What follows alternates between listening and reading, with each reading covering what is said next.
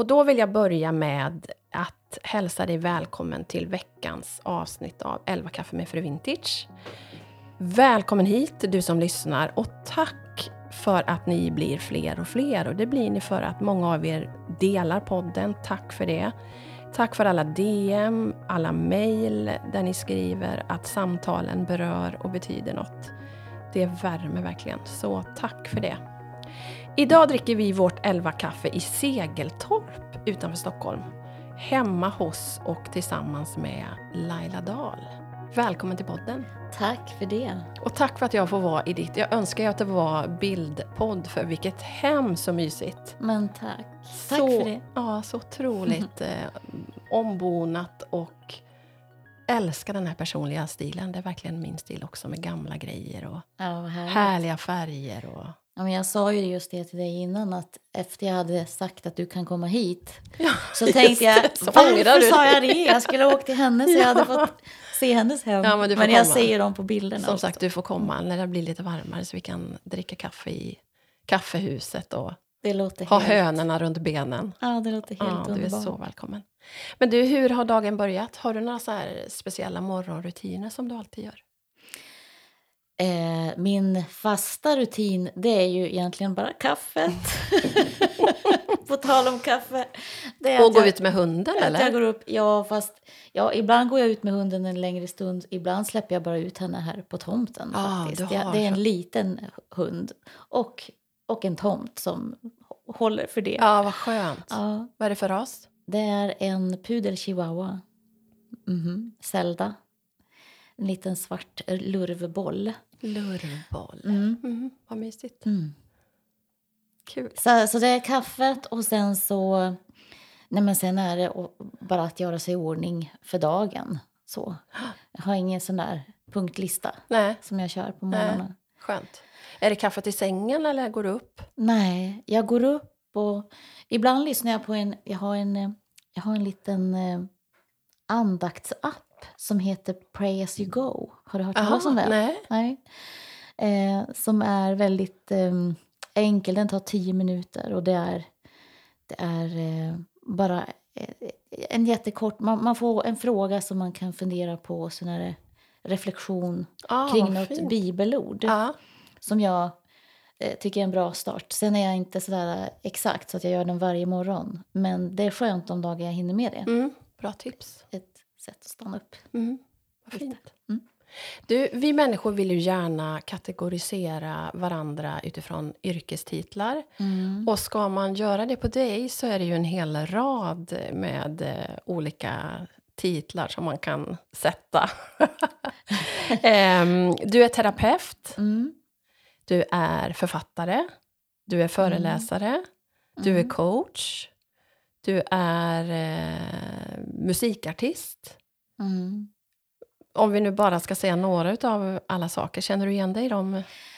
Gebiten, Eh, eller? Ja, ja, men alltså jag känner igen mig i dem, men det är ju i olika perioder i livet. Man gör Ja. ju inte allt exakt hela tiden lika Nej, mycket. Så musiken var ju det jag gjorde eh, tills jag fick barn, kan man säga.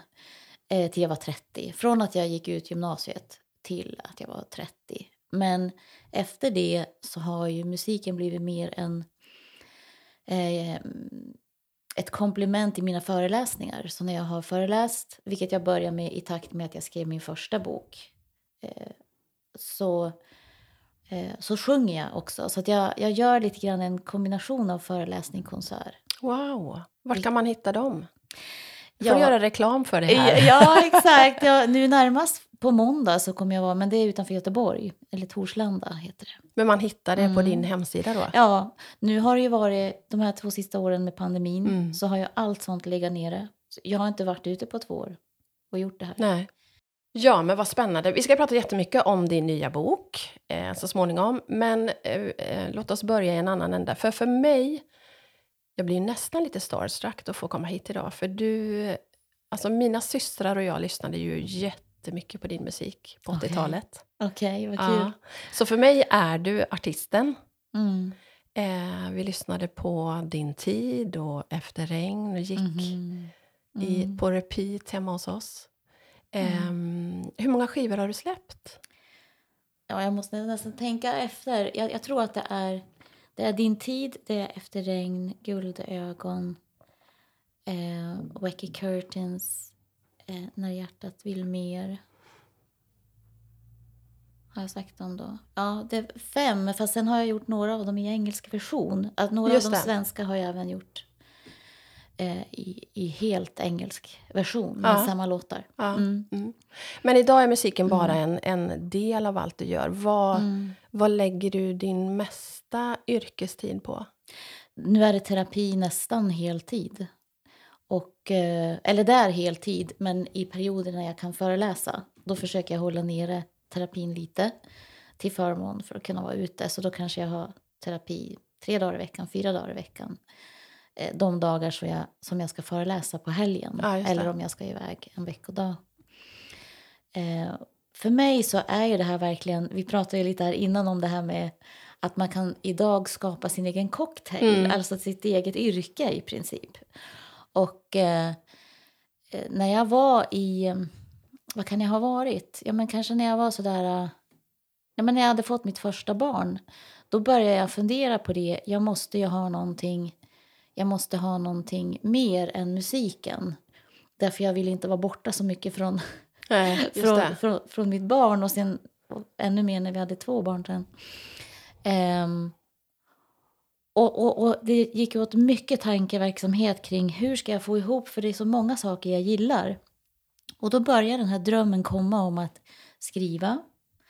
Och tänk om jag också kunde föreläsa. Men jag vill ju inte släppa sången.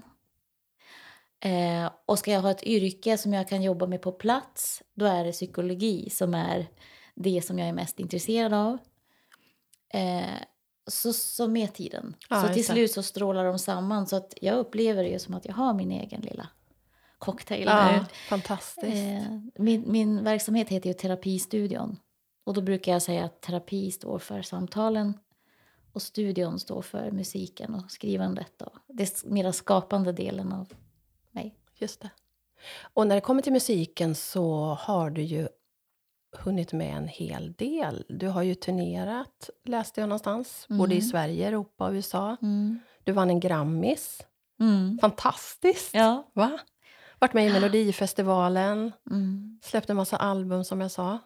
Men sen då, och som sagt, för mig så har du varit artisten Laila Dahl tills jag för några år sedan snubblade över en av dina böcker Mm. som heter Att gå sönder och bli hel igen. Finns det läkning efter otrohet? Och titeln på nyutgåvan av den är ju ord, tänker jag, som många av oss fasar för att höra. Mm. Eh, och som din exman Jan då uttalade en ljum sensommarkväll. Laila, det är en sak jag måste berätta. Och jag tänker att jag ska läsa ett utdrag ur den boken som är Mm. helt fantastisk. Vilket redskap, verkligen. Eh, och till saken hör då att du blir upphämtad av honom när du precis har gjort färdigt en skiva. Mm. Du är hämtad på stationen någonstans. Fruängen. Fruängen. För att vara exakt. ja. Ja. Och ehm, som sagt, jag ska läsa ett litet utdrag. Jag har väntat med det här för att du skulle bli klar med dina inspelningar. Okej. Jag vände blicken och såg på honom. Han såg spänd och lite skyldig ut. Han vred om nyckeln, svängde ut från parkeringen och började ta småvägarna hemåt. En obehaglig oro gjorde mig illa till mods. Det här är inte lätt, Laila. Det jag kommer berätta kommer göra dig upprörd och ledsen. Nu blir jag rädd, Jan. Vad är det du ska säga? Jag tänkte, ska han dö eller? Någonting längst ner i magen sa mig att det här inte var någon liten småsak. Är det något farligt? Är det något med barnen? Nu saktade han ner igen, körde in till vägkanten och stannade bilen. Mitt hjärta började slå fortare. Nej, det är ingen som ska dö. Han sökte orden och tog sats igen. Men du kommer bli väldigt, väldigt ledsen och upprörd. Det kommer att ta lång tid innan det här är över. Han såg på mig, som om han sökte bakom min blick efter någon försäkring om att jag verkligen var beredd att klara av att ta in hans ord. Vid det här laget vet jag inte om jag andades längre. Men i alla fall. Jag är beredd att gå i parterapi och egenterapi och han tog sats igen. Letade i sin innerficka och fick fram något som såg ut som ett vitt papper. Han höll det mellan sina händer och fortsatte långsamt, som om han var rädd att glömma något viktigt. Innan jag berättar vill jag att du ska veta att jag älskar dig. Jag har alltid älskat dig och vill leva hela livet med dig. Men jag har gjort något fruktansvärt. Mitt livs största misstag. Och det kommer ta lång tid innan du kan förlåta mig, om du någonsin kan. Han stannade till och svalde. Men även om du inte kan det så vill jag att vi ska fortsätta leva hela livet tillsammans. Så när jag berättar, glöm inte det. Han drog ännu en djup suck. Jag var livrädd för vad som skulle komma och stirrade på honom som en som väntar på ett slag. Okej, okay, sa han och räckte med ett foto. Det här är min son. Han är tolv dagar. Ett slag hade varit bättre.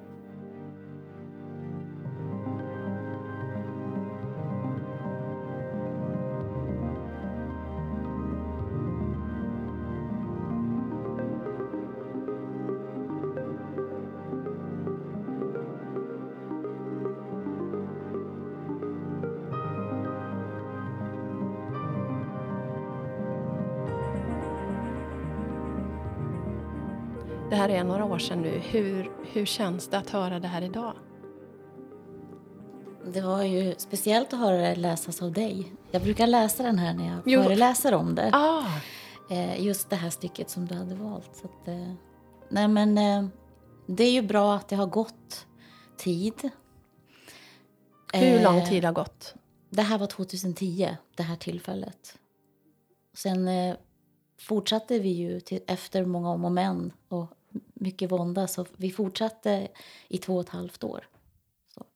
Men eh, som svar på din fråga eh, eh, idag, hur det känns att höra det så känns det ju skönt att jag är där jag är mm, idag. Mm, mm. Men det blir aldrig gammalt. Nej. Slår mig. När jag hör dig läsa det så tänker jag att det här är jag. Ja. det här är jag. Liksom. Ja. Mm. Hur länge hade ni varit gifta då? Oj, vi träffades ju när jag, vi gick båda på högstadiet. Så vi hade varit tillsammans i 32 år. Eh, och så var vi då ihop i två och ett halvt, nästan tre år till. Men så en dag i köket så förstår jag i någonting han säger att det här kan han inte inte veta om han inte har träffat henne. För det var ju så att den här sonen gjorde ju att vi hade kontakt med henne. För han skulle ju ändå ta ja, sitt ansvar som ja. pappa. Mm. Så att eh, vi hade även haft eh, eh, honom här vid ett antal gånger och, och så. Så jag förstår att det här, det här stämmer ju inte och så börjar jag liksom förhöra honom. Vad är det här och vad, säger, vad, vad vill det här säga? Och så. Till slut så blev han ju tvungen att erkänna att de hade träffats och så småningom, ja, vi har, varit, vi har haft en relation en längre tid. Eh, på sidan av. Eh, ingen intention att lämna det här.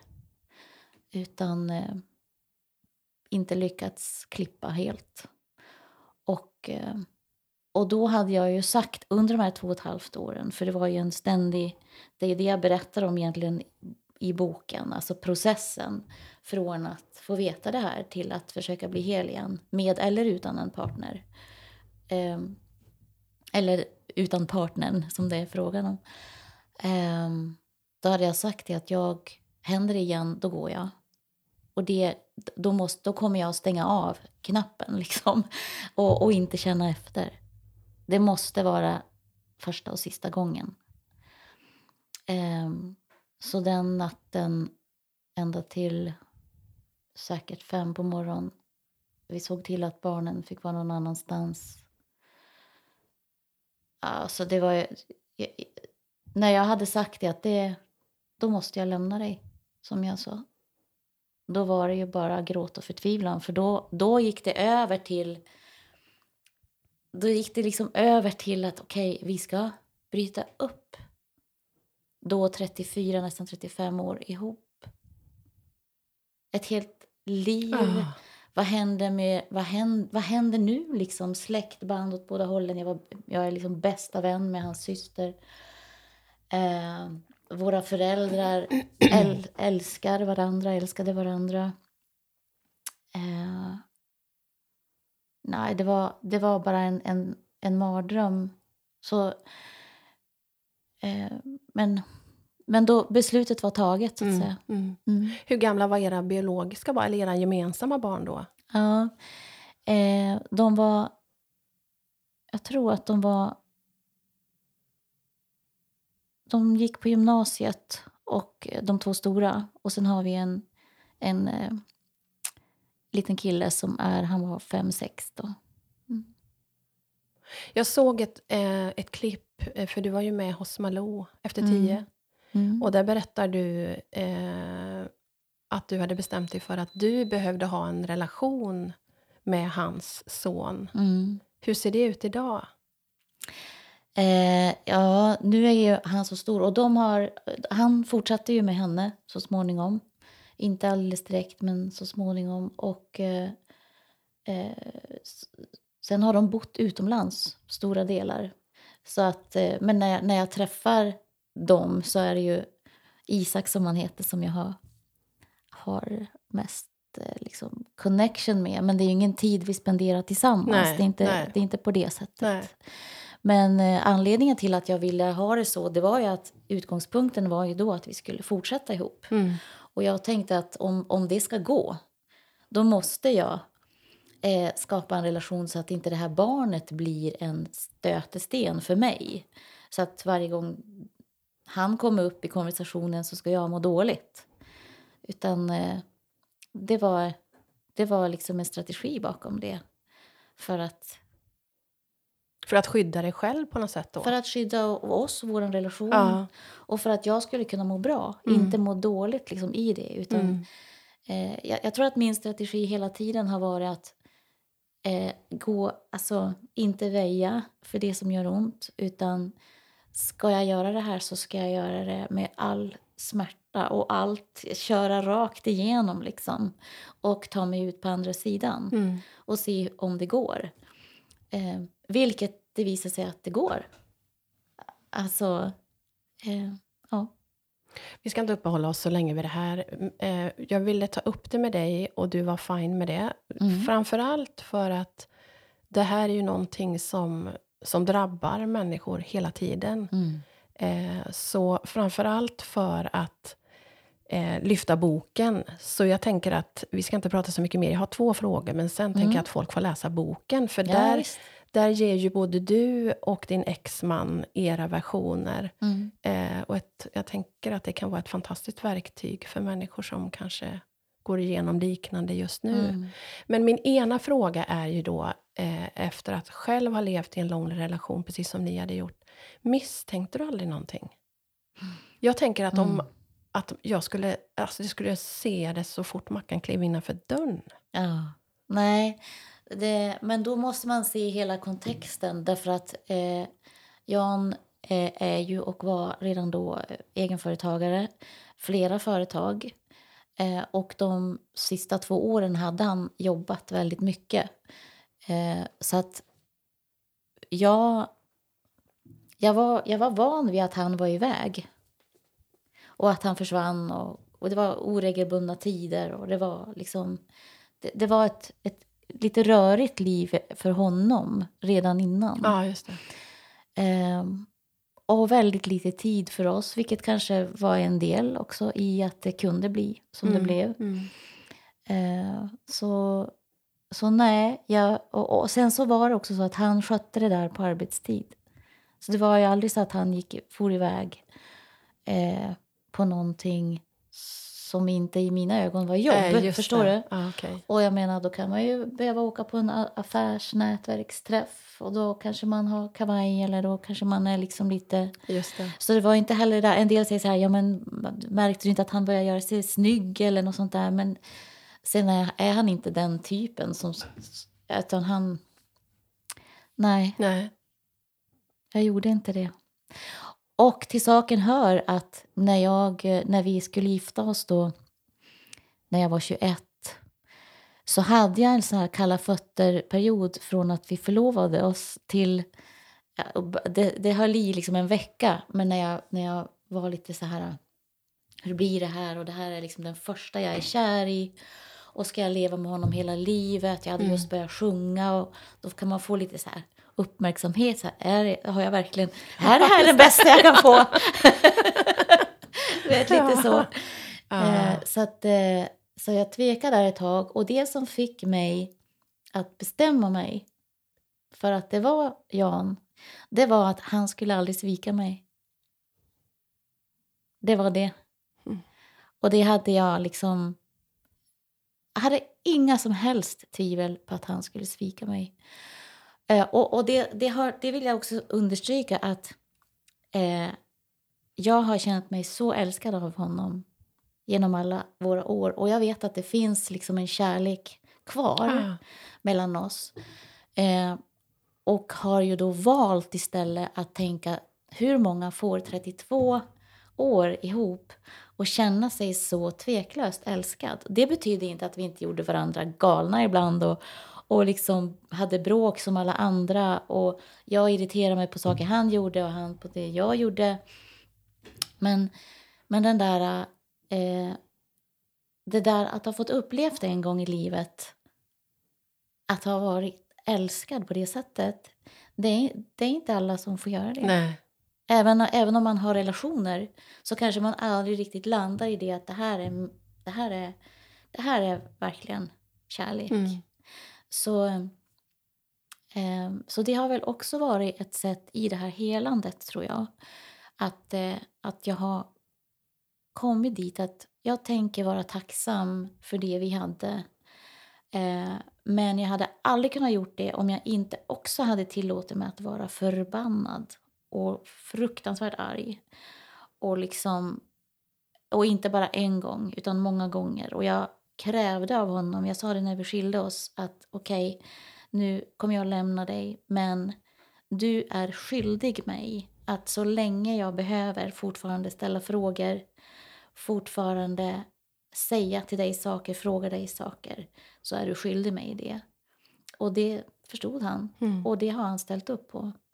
Och det tror jag är en stor, en stor del i att kunna bli eh, liksom, Eh, eller det hjälper till att bli hel. Jag ska inte säga att man måste ha den andra med på det. För att då får man ju dela med det i terapi ja. eller liksom med, på andra, med andra verktyg. Men, men det är ju en stor hjälp. Ja. För det var min nästa fråga. Hur, när du ser tillbaka på den här tiden, vad är det som gör att du faktiskt sitter här som en hel människa idag? Vad, mm. vad var det som liksom bar genom allt, allt det där?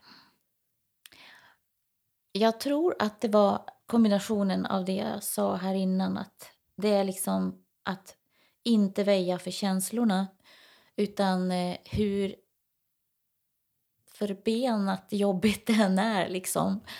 Att okej, okay, det är så här ont det gör och jag jag öppnar mig för det.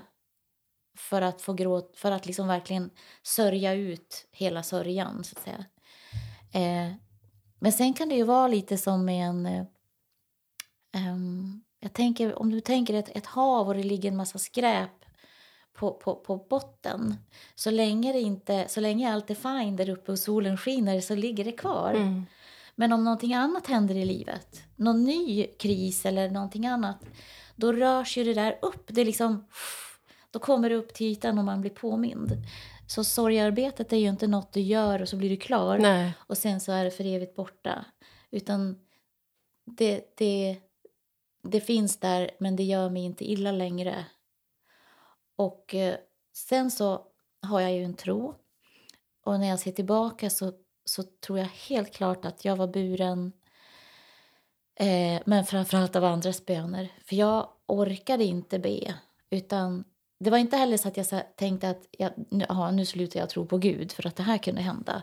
För så, så medveten är man ju om att andra människor kan ha det både värre och det pågår fruktansvärda saker hela tiden. Eh, så i så fall skulle ju ingen kunna tro. Nej, precis. Så. Men, eh, men just det här att, att jag kunde på något vis... Jag tänkte så här, om du finns, vilket jag tror, då vet du precis allt. Jag behöver inte säga det till dig. Jag suckar istället. Och jag, jag kom på mig själv ofta att jag gick och liksom...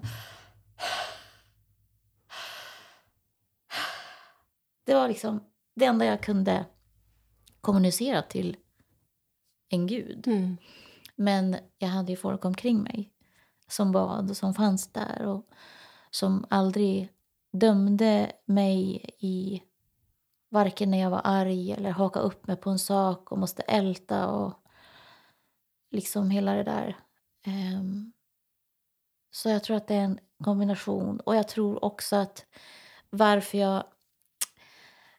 Jag menar, en sak som jag tänkte då när, när, när vi skilde oss det var att jag kommer inte att leta någon ny förrän jag är helt övertygad om att jag kan göra mig själv lycklig och att jag klarar mig att stå på egna ben. Och det tog några år.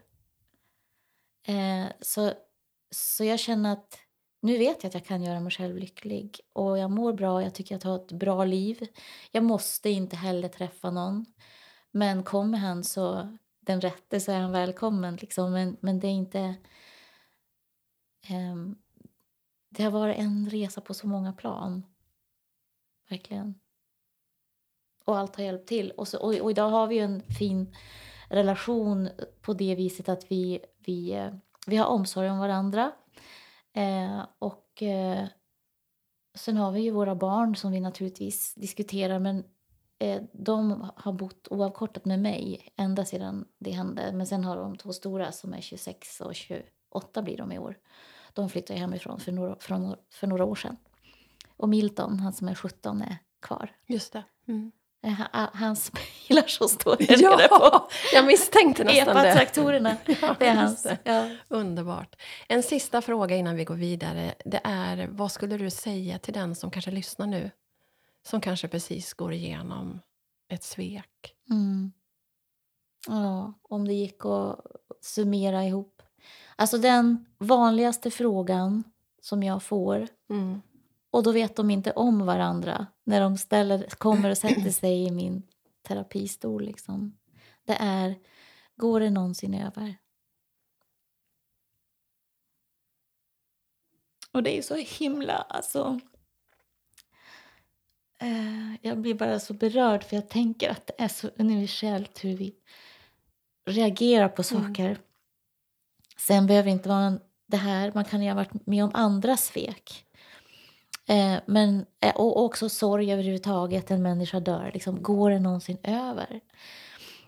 Eh, och eh, nej, och, ja, men jag vill liksom peta upp det där hålet av hopp.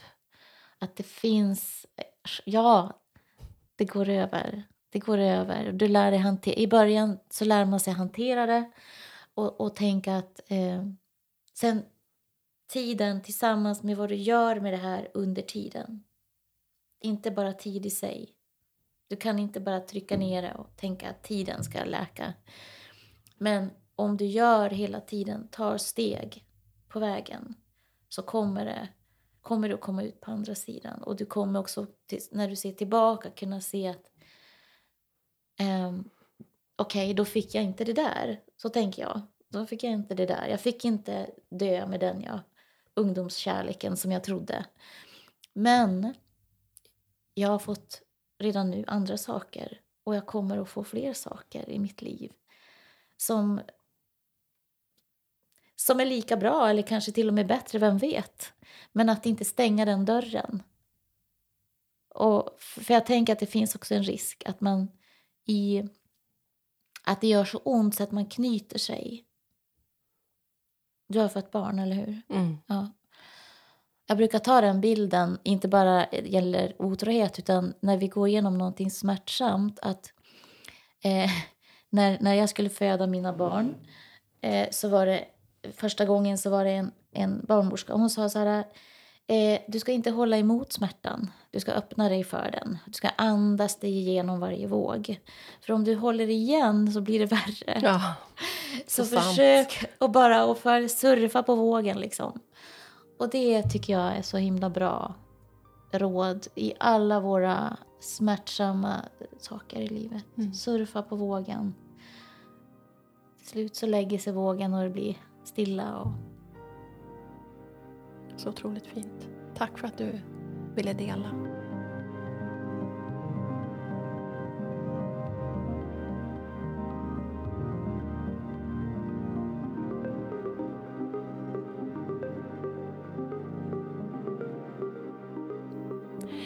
En annan då av alla dina eh, spännande yrkestitlar är ju enneagramcoach.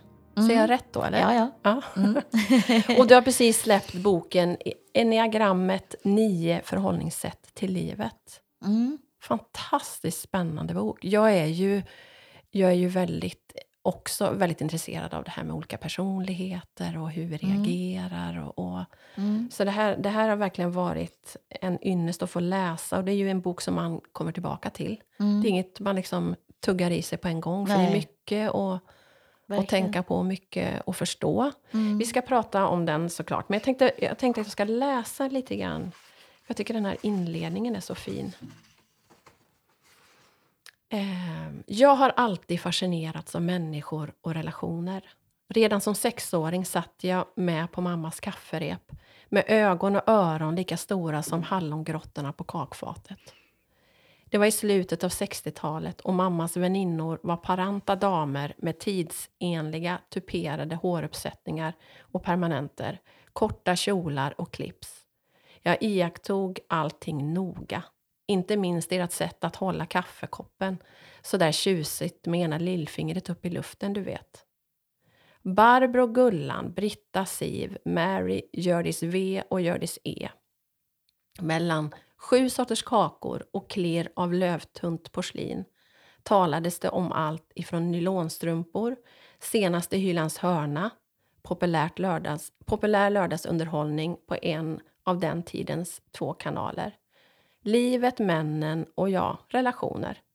Igenkännande skratt, sus av tystnad och så de tårfyllda ögonen när någon berättade något extra skört, ömt eller nära. Ja, mina med. Och lite längre ner. Och där någonstans började också jag fundera över de där välkända frågorna. Vem är jag då egentligen? Och vem ska jag bli? Idag, många år senare, vet jag hur centrala de är. De väcker vår djupa längtan efter att hitta vår plats, komma till vår rätt och känna mening med vår stund på jorden. Jag tror att vi alla innerst inne bär på en djup längtan efter att bli vårt allra bästa jag. Så fint! Tack. Så otroligt fint. Men min, min första fråga är ju, hur, hur kommer det här sig? Att jag skriver om det här? Ja. Jo, eh, jag var på en eh, skrivkurs en helg eh, för, för, för kanske 15 år sedan då, eller är det lite mer. Eh, och då hade hon som höll i den här kursen med sig en bok om enneagrammet och sa att i den här boken kan ni hitta trovärdiga karaktärer till era noveller som vi skulle skriva. Jaha. Mm. Sen nu på senare tid så har jag hört att man även i Hollywood, eh, Meryl Streep sägs använda sig av enneagrammet när hon eh, läser in olika roller. Sen om det är sant, det vet jag inte, men jag hörde det på någon podd. någonstans. Nej, men så att, eh, och, och då var jag precis eh, eh, färdig eh, och jobba, hade börjat jobba med terapi. Så jag tänkte ju direkt att det här är ju någonting som jag kan använda mig av i terapin och liksom läsa in lite så här olika... Sen kan man ju aldrig naturligtvis boxa in någon men man kan se på ett ungefär, kan det här vara och ställa frågor utan att ta för givet, ställa frågor utifrån olika strategier då. Ehm, ja, och sen så har jag gått tillbaka till enagrammet lite fram och tillbaka eh, och framförallt de senaste fyra åren eh, läst ännu mer om det och också sett till att få en certifiering som enneagramcoach. För när jag börjar känna att det här, det här kan jag inte missa utan jag måste ta vara på det på något sätt. Um, ja, så... Så... Ja, men då börjar den här tanken komma att skriva om det i Sverige. Bara sista året, två åren nu, har det kommit ytterligare böcker i Sverige. Men när, mm. när, vi börj, när jag började prata med Libris om det så var det inte alls så. Um, och så hade jag en dröm om att göra det som en, lite som en booktable-bok. Liksom, med bilder. Ja, för den är jättefin. Att få ha lite, liksom, jobba lite kreativt också med bilderna och, och så. Mm. Eh, och så blev det så. Men för den mm. som inte har en aning, vad kommer det ifrån och vad handlar det om? Ja, det är ju en psykologisk modell för personlig utveckling. Eh, man spårar ju influenser så långt tillbaka som ökenfäderna på 400-talet. Wow. Men kanske ännu mer ifrån antiken, grekiska antiken. Enea, alltså enneagrammet, eh, betyder nio. Så det är därför det heter Enea. Det Enea och sen så ser symbolen som man utgår ifrån, som vi kan komma till, den, eh, det är ju som ett gram, ett slags gram, diagram, vad heter det? Ja, ett gram i alla fall. Mm. Så därför heter det enneagrammet. Och eh, det, det bygger då på nio strategier och det tycker jag är viktigt att säga, det är inte personlighetstyper egentligen. För om man tänker personlighets, personligheter det är ju någonting som är mycket, mycket större. Alltså, vi föds in i världen med unika förutsättningar, ett unikt fingertryck, eh, fingeravtryck till exempel. Eh, men men de, de här strategierna vi pratar om, det är förhållningssätt, strategier, någonting som vi kanske utifrån, lite utifrån vår personlighetstyp också eh, väljer olika förhållningssätt. Eh, tar man det från början så när vi kom in i världen så var vi rätt oförstörda inne i magen. Men med tiden när vi har kommit ut i världen så börjar vi märka att det här, den här nödvändiga kontakten som vi söker instinktivt till mammas bröst, där vi också får närhet.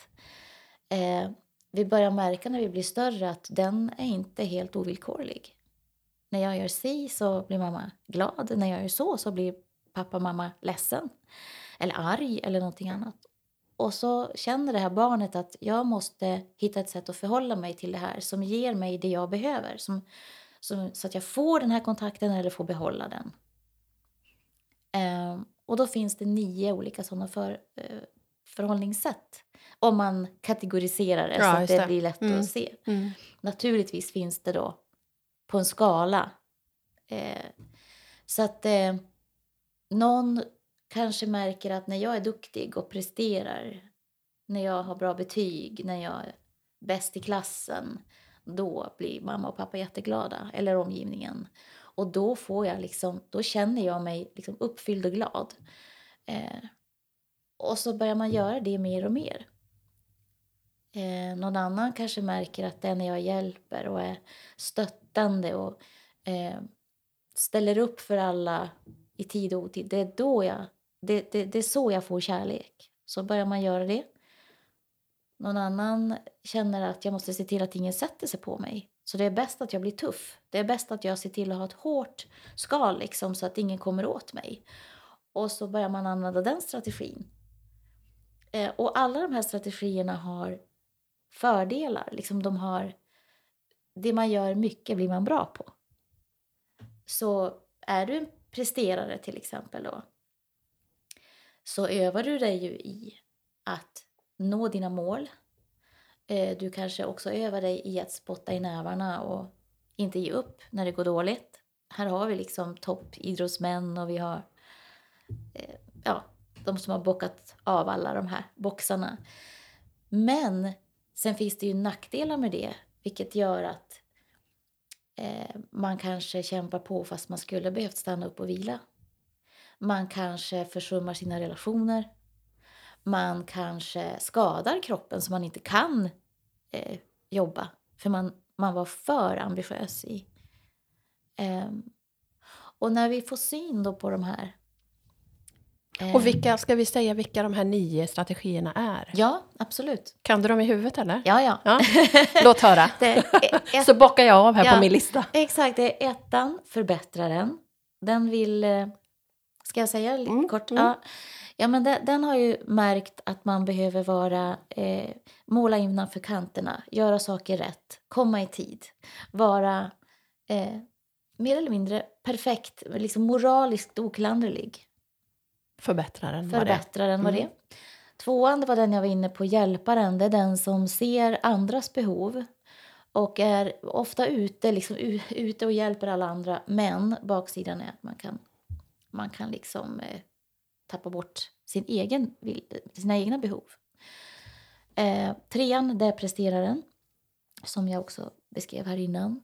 Fyran, det är individualisten. Det är den här som märker att det är om jag gör något speciellt och någonting unikt eller någonting eget, det är då jag blir intressant och får uppmärksamhet. Det kan också vara, måste inte alltid vara så, det kan också vara att man känner att man är för mycket eller för lite. Man har en, en, en där man för, för känslosam eller också är man för lite si eller så. Um, så baksidan där är att man kan bli väldigt fokuserad på, är jag för mycket eller för lite? Jämföra sig med andra. Eh, femman, det är utforskaren. Det är den här eh, uppfinnarjocken som, och eh, kunskapstörstande som hittar en trygghet då tidigt i livet i att um, om jag kan saker, om jag förstår saker, mycket mental typ. Uh, och baksidan är att man då kan dra sig undan och inte kanske heller dela med sig så mycket av känslor i relationer utan man kan bli en ensamvarg eller en nörd. inte för att mm. det är farligt, men man kan liksom bli väldigt specialiserad på en sak. På gott och ont. Eh, sexan, det är den eh, lojala realisten. Eh, det är en person som har upplevt eh, liksom livet otryggt. Det är någonting som inte, jag, jag har inte känt mig trygg och säker. Och att man behöver andras stöd för att känna sig säker. Eh, fördelen här är att man är jättebra på konsekvenstänk. Man kan liksom förutse att ja, men nu måste vi se till att ja, det kanske blir krig i Sverige. Jag måste se till att skaffa det här Konservburkar. Och det här, och det här. Ja, ja, precis. Mm. Eh, men då är man också förberedd när det händer, vilket ju är fantastiskt.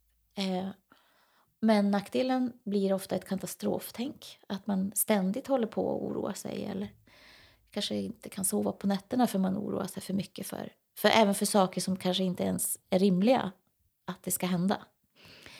Eh, sjuan är entusiasten. Det är den här som vill se glaset halvfullt eh, och eh, ofta positiv, tro, tror på sig själv och på andra. Ofta mycket idéer, projekt, planer men nackdelen är att man inte vill kännas vid smärta. Vilket kanske också är anledningen till att man håller sig sysselsatt och, satt och måste göra saker hela tiden. För att om jag stannar upp för mycket, ah, då börjar det liksom bli oroligt här inne och då, det vill man inte känna. Vilket då förmodligen har berott på att man inte...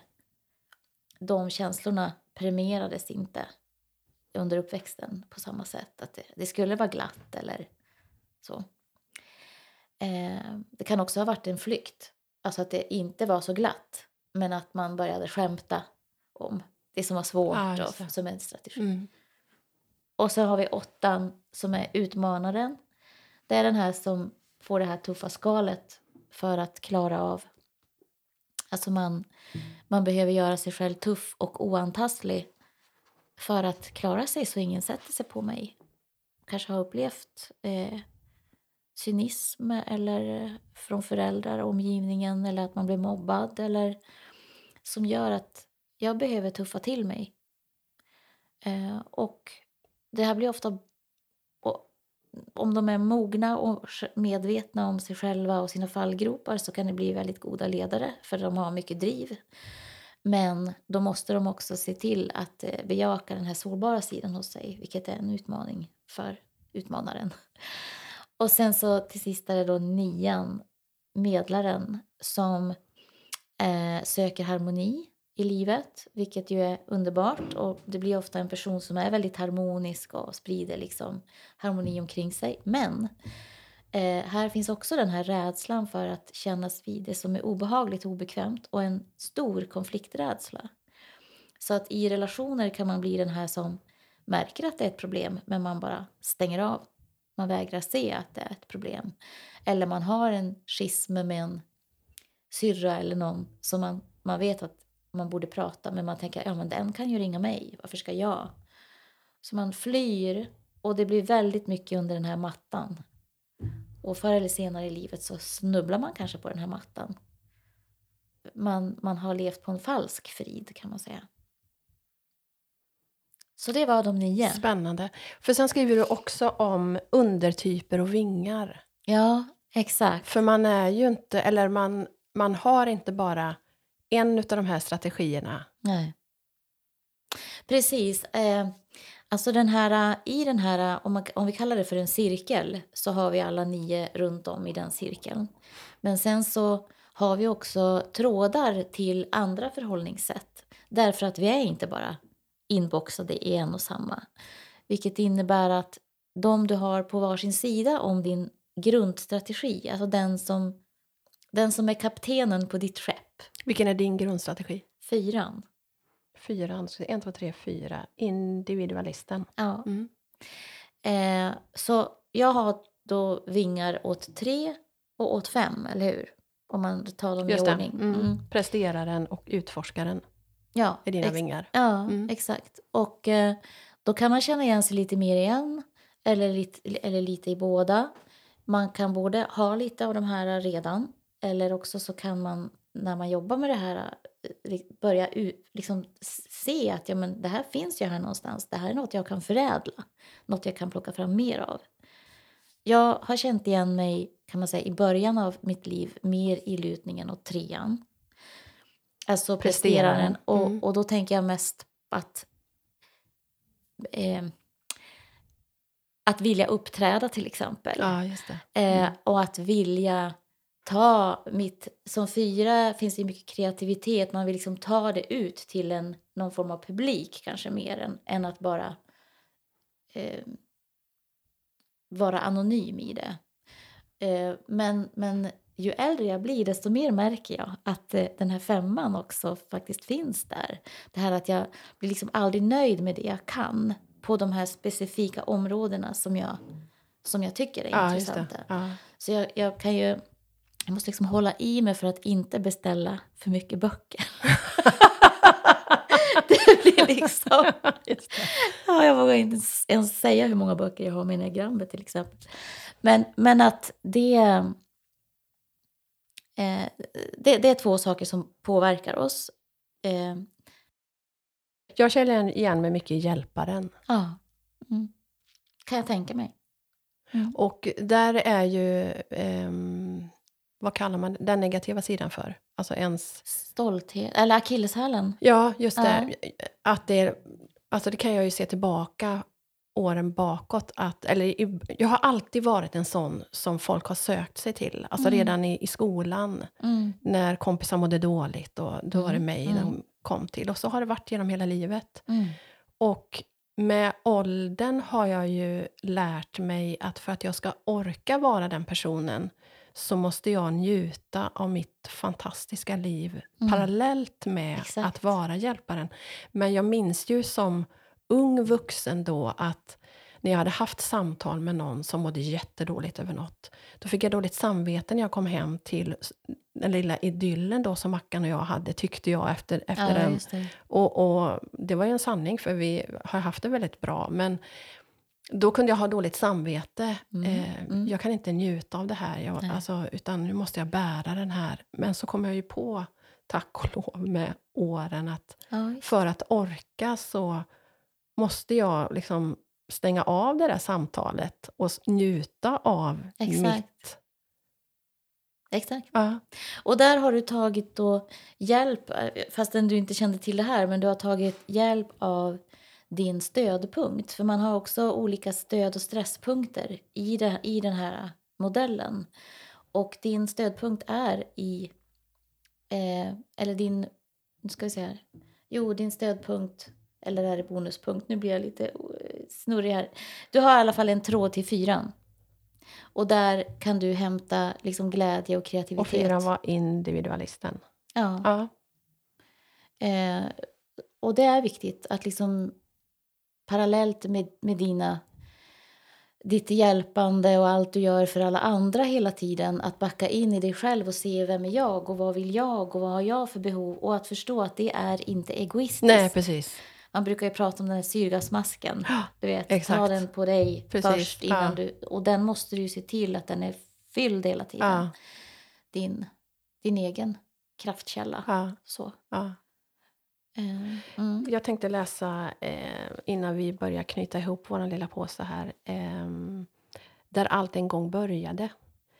När du första gången såg dagens ljus anlände du till den här tillvaron med en frökapsel av gåvor och personlighetsdrag. Redan vid befruktningsögonblicket skapades unika styrkor, förutsättningar och sårbarhetsfaktorer. Lika specifika för dig som ditt fingeravtryck. Tillsammans angav de tonen till det som sedan blev du. En bukett blommor i många olika färger om du så vill. Enligt de flesta uttolkare av enneagrammet ingår vår enneagramtyp i det avtrycket. Då i dess renaste och mest oförstörda form. Mm. Och sen är det livet då som påverkar oss och som Mm. förändrar oss. Ja, och jag tänker att i, i personligheten så kan det ju, vi kanske få en viss benägenhet att utveckla några av de här mer än andra. Ehm, Mm. jag tänker till exempel... Eh, jag tror att blyghet eh, sägs vara ärftligt, alltså genetiskt. Eh, jag vet inte, sist jag hörde så, så hörde jag det. Och då tänker jag att då är ju chansen, risken större att du utvecklar någon av de mer avvaktande eh, enneagramstrategierna än någon av de här mer självsäkra, gåpåiga typerna. Eh, så, att, så på så vis tänker jag att den vi föddes in i världen som och, och säkert också påverkar vilken vi drar till. Men Mm. det är inte så att vi föddes med strategin satt liksom. Nej, just det. Otroligt intressant. Verkligen. Ja, Jag förstår ju att det här måste vara ett jättebra redskap när man som du eh, har ett yrke där man arbetar med människor av olika personlighetstyper. mm. Men vad, alltså en vanlig människa, vad har den för nytta av, av boken? ah, men oh. Den, den eh, alltså med, med den här modellen så pekas man ju till olika, s- o- olika andra förhållningssätt. Så det öppnar ju liksom upp istället för att tänka att jag bara är sån här. Det finns ju klienter som sätter sig i, i stolen hos mig och så säger de fast jag är ju bara så här. Vad ska man göra åt det? Mm. Man kan väl inte ändra en person så himla mycket? Jo, men man kan faktiskt Ja. bara genom att öppna upp för andra sätt att se på saker. Eh, så att eh, den är definitivt eh, för alla. Eh, och eh, som par, tänker jag, så har man också nytta av, eller som förälder, Mm. eh, man, får, man får på något vis ingång i hur en annan person kan vara med lite mer förklaringar runt. Man fattar att du är inte bara elak när du, när du säger sådär utan det finns en anledning Ja, till att du gör och säger som du gör. Ja. Och när jag förstår att det inte bara... Eh, ja, som sagt, det är inte bara att du bara är allmänt jobbig utan finns en anledning. Ja. Då blir man mer barmhärtig. Mm. Och eh, man kan också prata lite mer. Jaha, men nu, nu, är det du, nu är du sådär sjuig igen. Ja, liksom. kan, du inte, kan du inte bara liksom se nu att jag som behöver det och det just nu. Och i den här boken så har jag också för varje strategi olika utvecklingstips på vad man kan behöva jobba på och hur du kan jobba på det. Och också hur man som medmänniska kan bemöta de olika Ja. strategierna. Det vad en också- fyra vill höra, Ja, vad en trea precis. vill höra. Ja. Ja, absolut. Jättevärdefullt. Mm. Och så kan man ju boka in dig då och att du kommer att ha föredrag om man är intresserad av det. Absolut. Ja, vad spännande. Var når man dig någonstans? Jag tror det säkraste sättet är att mejla till mig på laila.terapistudion.se. Och på Instagram heter du Laila understreck terapistudion. Eh, Laila Dahl Laila understreck- Dahl. Mm. Jag Terapistudion. blir lite osäker. Jo, jag tror det. jag tror att jag Gå det. in på Instagram och kolla.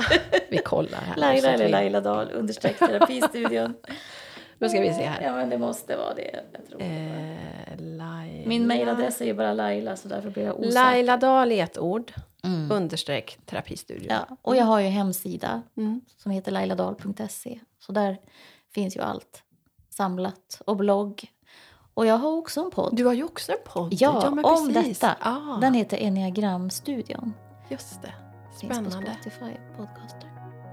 Tusen, tusen tack Laila att jag fick komma till ditt eh, fantastiska kök och att jag har fått dela delar av din historia. Tack så jättemycket att jag fick komma. Men tack för att du ville komma. Mm, tack. Nu ska vi fortsätta vårt samtal och fika här och mysa en stund till. Härligt. Och tack till dig som har lyssnat. Hej då! Hej då.